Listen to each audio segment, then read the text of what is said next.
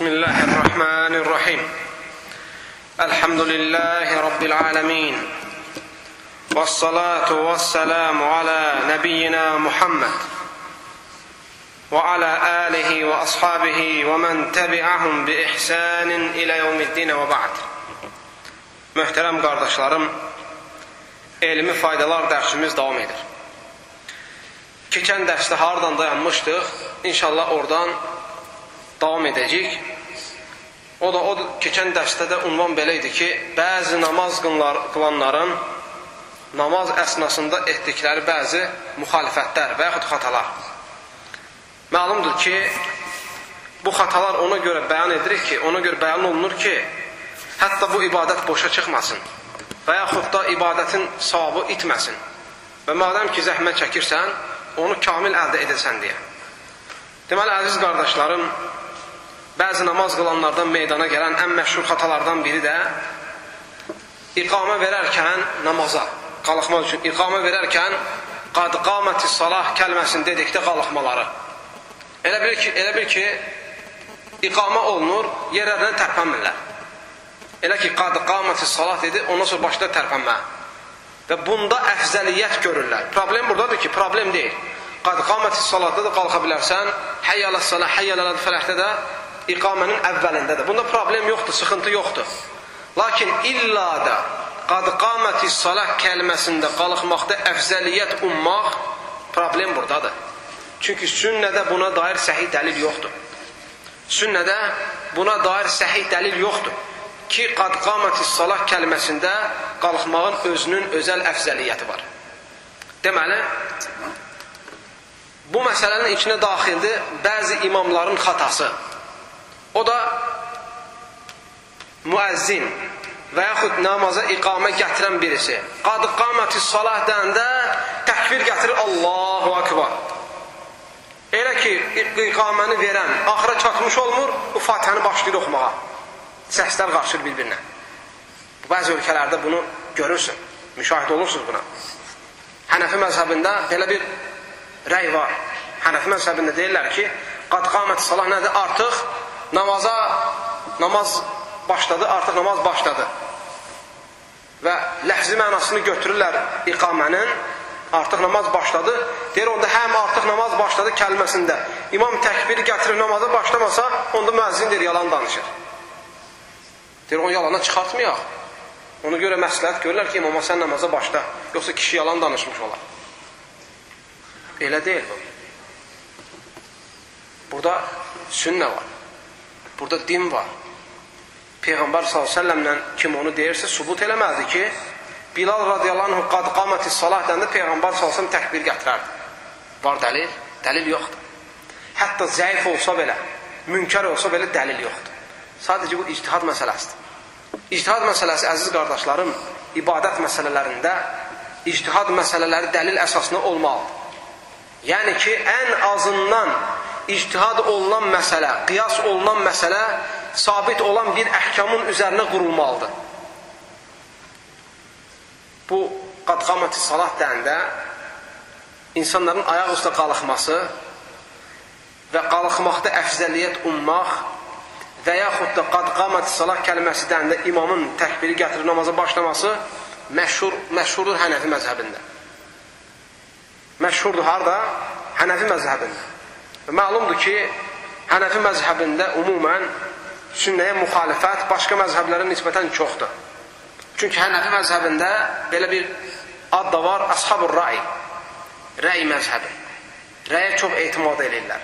Və İmam Abu Hənifənin öz dövründə nisbətən bu müxalifətlər az idi, çox az idi. Çünki İmam Abu Hənifə əhl-i sünnə vəl cəmaənin imamlarındandır. Və deyir ki, harda mənim sözüm Allahın kitabına və Peyğəmbər sallallahu aleyhi ve sellemin hədislərinə zid gələrsə, mənim sözümü deyir, tərk edin. Və doğru olanı deyin. Ona görə İmam Abu Hənifə müctəhid alimlərindən idi. Əhl-i sünnə vəl cəmaənin imamlarından idi. Və harada ona haqq bəyan olsa, orada dönərdi. Və fikrini dəyişərdi. Doğru rəyin dəlillə olanını deyərdi. Amma get-gedə məzhəb, Hənəfi məzhəbi dünyada geniş yayıldığına görə və sonra bu məzhəbə nisbət özünü edənlər get-gedə bidəti genişləndirdilər. və dəlilsiz olan məsələləri dinin, dini əhkamlara saldılar. Və bu da ondan da əziz qardaşlarım. Çünki bu rəy əvvəlki alimlərdə bu məşhur olmayıb. İndi müasirlərdə var, bəzən gətirirlər namazı pozan şeylər. Deyir, namaza gedəndə, səcdəyə gedəndə şalvarını qaldırarsansa yuxarı namazın batildir. Bana dəlil var, dəlil yoxdur. Deməli, məzhəbə nisbət olsalar da belə bu rəyi deyənlər, məzhəbin özündə buna yer yoxdur. İmam Əbu Hənifə demək olmaz ki, bu rəyi deyirim. Xeyr. Çünki İmam Əbu Hənifə deyir ki, harda mənim sözüm kitaba və Peyğəmbər s.ə.v-lə sabit olan hədislərə zid gələrsə, mənim sözüm tərk olunur. Və bunu dörd məzhəbin dördü də deyir, əziz qardaşlarım.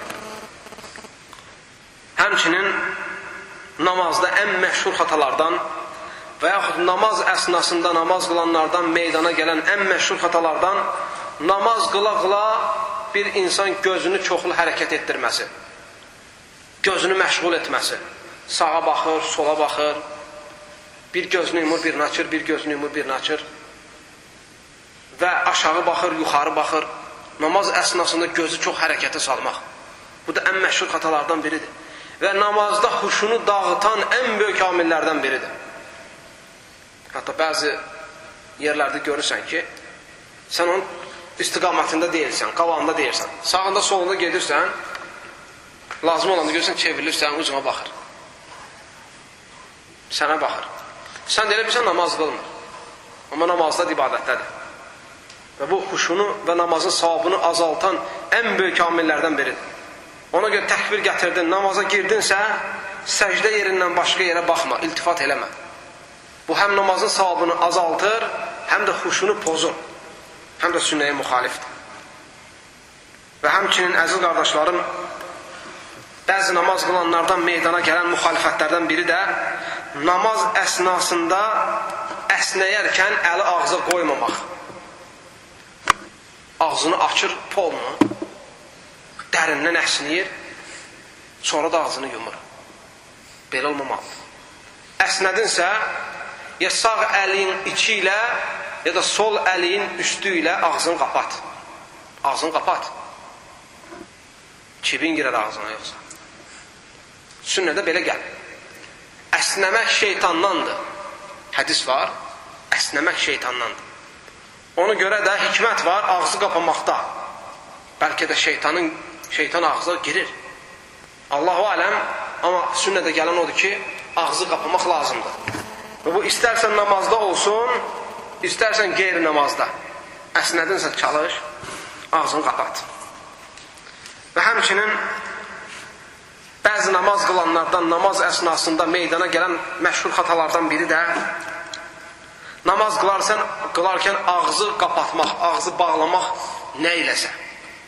Bu sünnədə buna bu sünnəyə ziddir. Nəhi gəlib buna.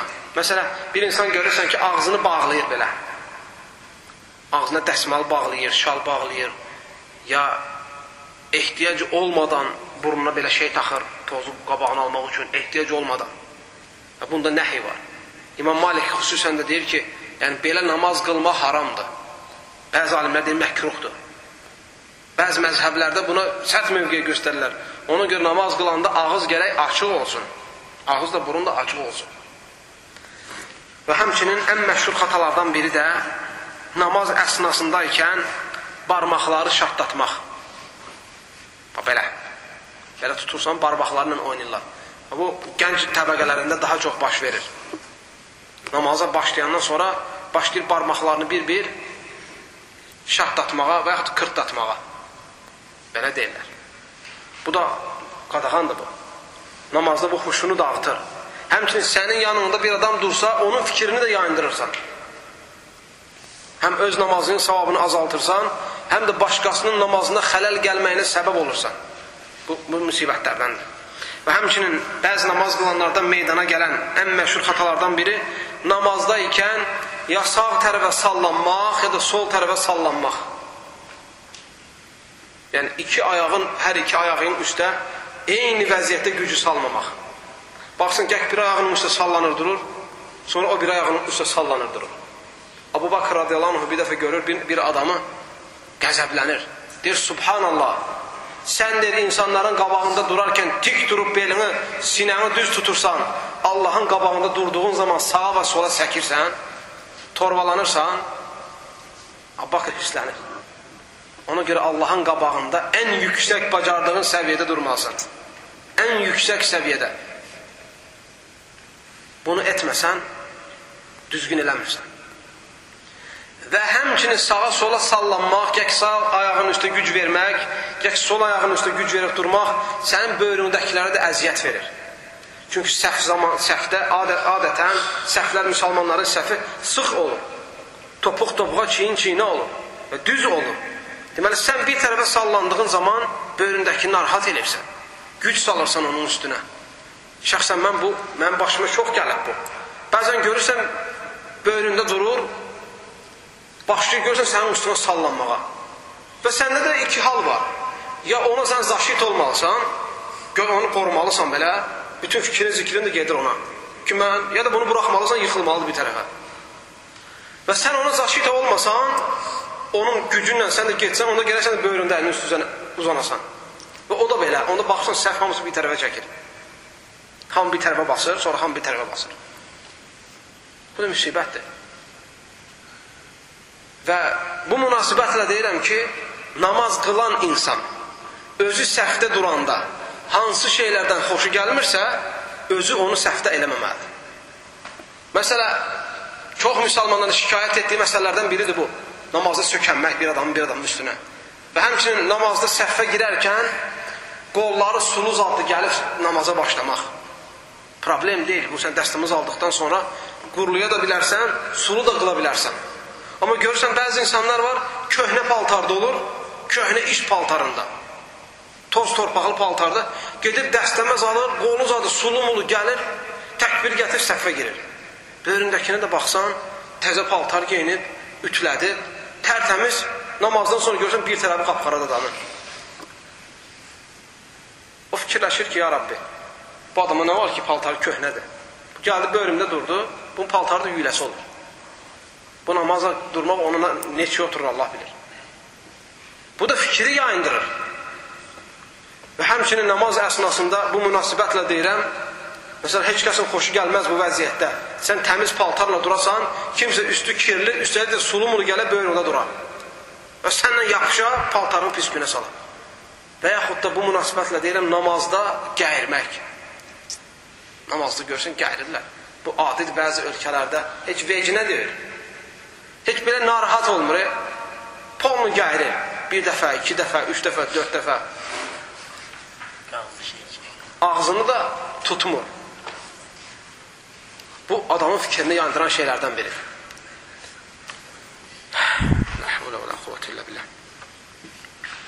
Həmçinin əziz qardaşlarım, bəzi namaz qılanlardan meydana gələn xatalardan biri də məscidə girdikdə təhiyyət məscid qılmadan oturmaları.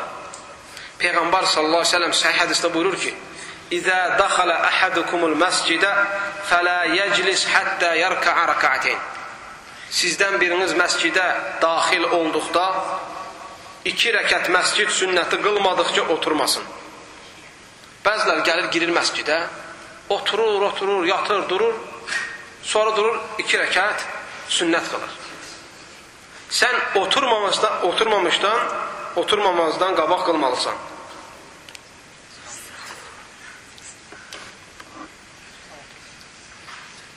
Nə vaxt qılmalısan? Oturmamazdan qabaq. E, və həmçinin ən məşhur xatalardan biri də bəzi namaz qılanlardan meydana gələn iki nəfər namaz qıldığı zaman imamın bir az yandakindən öndə durması. Və bu çox insanlara gizlidir. Hətta mən buna fikir verirəm, 30 il, 40 il, 50 il namaz qılanlar var, hələ bu sünnədən xəbəri yoxdur. Məsələn, iki nəfər namaz qılırsan, sünnədə gələn odur ki, böyür-böyrə durmalısınız, eyni səviyyədə. Kimsə ilərdə, kimsə gərdə durmamalıdır. Eyni səhvdə olduğun kimi, çiyin-çiyinə, topuq-topuğa eyni səviyyədə durmalısan. Bəzi qardaşlara baxanda görürsən ki, iki nəfər namaz qılırsa, imam olan biraz ilərdə durur, o birisi biraz arxada durur. Buna dəlil yoxdur, əziz qardaşlar. Sünnədə belə şey gəlməyib. Peyğəmbər s.ə.v-lə gəlib ki, bir dəfə namaza, namaz qılarkən Abdullah ibn Abbas gəlib Peyğəmbər s.ə.və qoşulur. Amma hansı tərəfindən qoşulur? Sağ tərəfindən qoşulur. Ha? Peyğəmbər s.ə.v onu çevirir, arxadan sol tərəfinə qoyur. Çünki imam ha tərəfdə durmalıdır, imam sağ tərəfdə durmalıdır. Ona qoşulan isə sol tərəfində durmalıdır. Və eyni səviyyədə durmalıdır. Peyğəmbər s.ə.v onun eyni səviyyədə durur. Özü biraz ilərdə. Necə? İmam sağda durmurmu? İmam mı solda durur yoxsa? Bir dənə durun görək, durun. Sən dur onun böyründə dur. Sən onun sağında olsan, eləmi? Yox, imam deyirəm, onun sağında olur. O sənin solunda olur. Yəni, sən onun sağında olursan, o sənin solunda olur. Hatta biz, biz də onu deyirik. Yəni, sənin, sən onun sağında olursan. Ona görə. Necə? İmam sağda durur. O adam imamın solunda durur. Sən sol xoysan da sən. Qardaşlıq qulaq asın. İmamın sağında durmadı. Bir də Bax. İmamın solunda durmur o adam.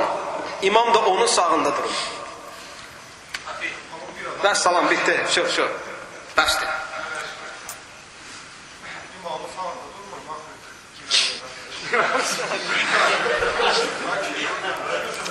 Ha, bunu dərsdən sonra söhbət edərik.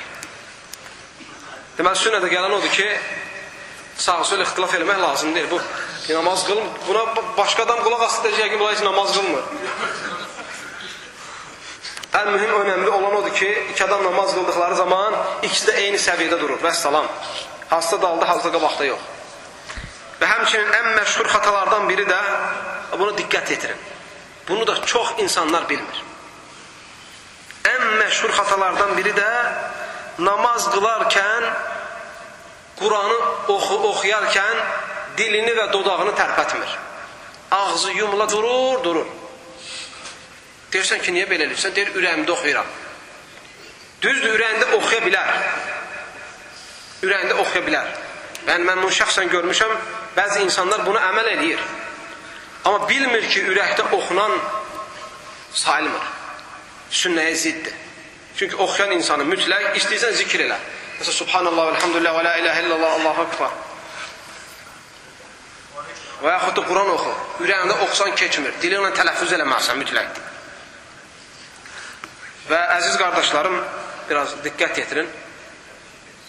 Diqqət yetirin biraz. Bunu ona görə deyirəm ki, tək sən bunu bilməyin kifayət eləmir. Eyni zamanda sən bunu başqalarına çatdırmalısan. Bu sənin üzərində əmanətdir. Sən bax evdə zövcə namaz qılanda bu şeyləri edir, etmir. Və yaxud budan qayıtdıqdan sonra get, anandan soruş, zövcəndən soruş, övladlarından soruş. Gör bu müxalifətlərə onlar düşürlərmi, düşmürlərmi? Və bu dərslərə ona görə özəllik, ona görə önəm vermək lazımdır ki, bu sənin əda elədiyin ən böyük ibadətdir. Bunda xələl olandan sonra başqa ibadətlər vəbşi alt üst olacaq. Ona görə diqqət yetirin. Bu ağızla dil tərpətmək məsələsidir. Ağzı yumula oxumaq olmaz. Mütləq dodağın da, dilin də tərpənməlidir oxuduğun zaman. Özün eşdəsi qədər. Özün eşdəsi qədər. Və həmçinin sizlərə bu dərsdə söyləyəcəyim ən son və ən məşhur müxalifətlərdən biri də namaz qılanlardan baş verən məsciddə yeri həcz eləmək. Məsciddə bir yeri tutmaq. Okey eləmək. Məscidi zanit eləyirsən, o yeri səndən başqasına imkan vermirsən, gəlib orada namaz qılsın. Və bunun bir neçə halı var. Bəzi hallarda onlar icazəlidir, bəzi hallarda olmaz. Misal üçün, sən qabaq, qavaq səfdə imamın arxasında daima hərissən ki, namaz qılasan. Və bu ən gözəl əməllərdən biridir. Ən gözəl əməllərdən biridir ki, imama yaxın namaz qılasan. Çünki imamın arxasında namaz qılanın fəziləti ondan o, o tərəfdə namaz qılanın fəzilətindən daha çoxdur. İmama kim nə qədər yaxın olsa, o qədər fəziləti daha çoxdur. Tamam, bunu bildik. Deməli, sən həris olduğun zaman, əgər sən gəlib oranı daima tutursansa, gözəl. Amma sən onu gəlib səhərdən ora bir palaz qoyub, ya bir skamı qoyub, ya telefon qoyub, ya bir kitab qoyub, gedə bilməzsən evə. ki mən hər gələndə orada ora mənim yerim olsun deyə. Xeyr. Amma sən adətən orada oturursansa, zikir, təsbih, Quran oxumaq, dua eləmək, orada oturursansa, sadəcə dəstəmaz pozuldusa və yaxud bir telefonla danışası oldunsa və yaxud acil bir, zəruri bir çıxış lazım oldusa, onda o zaman müəqqəti şəkildə həmin yeri tutub getmək olar. 5 dəqiqəlik, 10 dəqiqəlik çıxıb ehtiyacını görürsən, qayıdırsan. Bunda zərər yoxdur. Bu olar. Və buna dair sünnədə dəlillər də var. Peyğəmbər salsan deyir ki, bir yer sahibi yerindən çıxdısa, əgər qayıdacaqsa, o daha haqlıdır həmin yerdə otursun. Amma sən buranı gəlib tutursan məğribdə ki, işada, yastı namazında imamın arxasında durasan. Bu müxalifətdir. Başqalarını məhrum edirsən xeyirdən. Və buna diqqət yetirmək lazımdır, əziz qardaşlarım. Allah bizə işdə faydalarını etsin. İxlasla, imanla, sünnəyə uyğun ibadət edənlərdən etsin. Etdiyimiz ibadətləri, xüsusən namazlarımızı Allah təala qəbul etsin. Və sallallahu əleyhi və səlləm və barək alə nəbiyina Muhammed və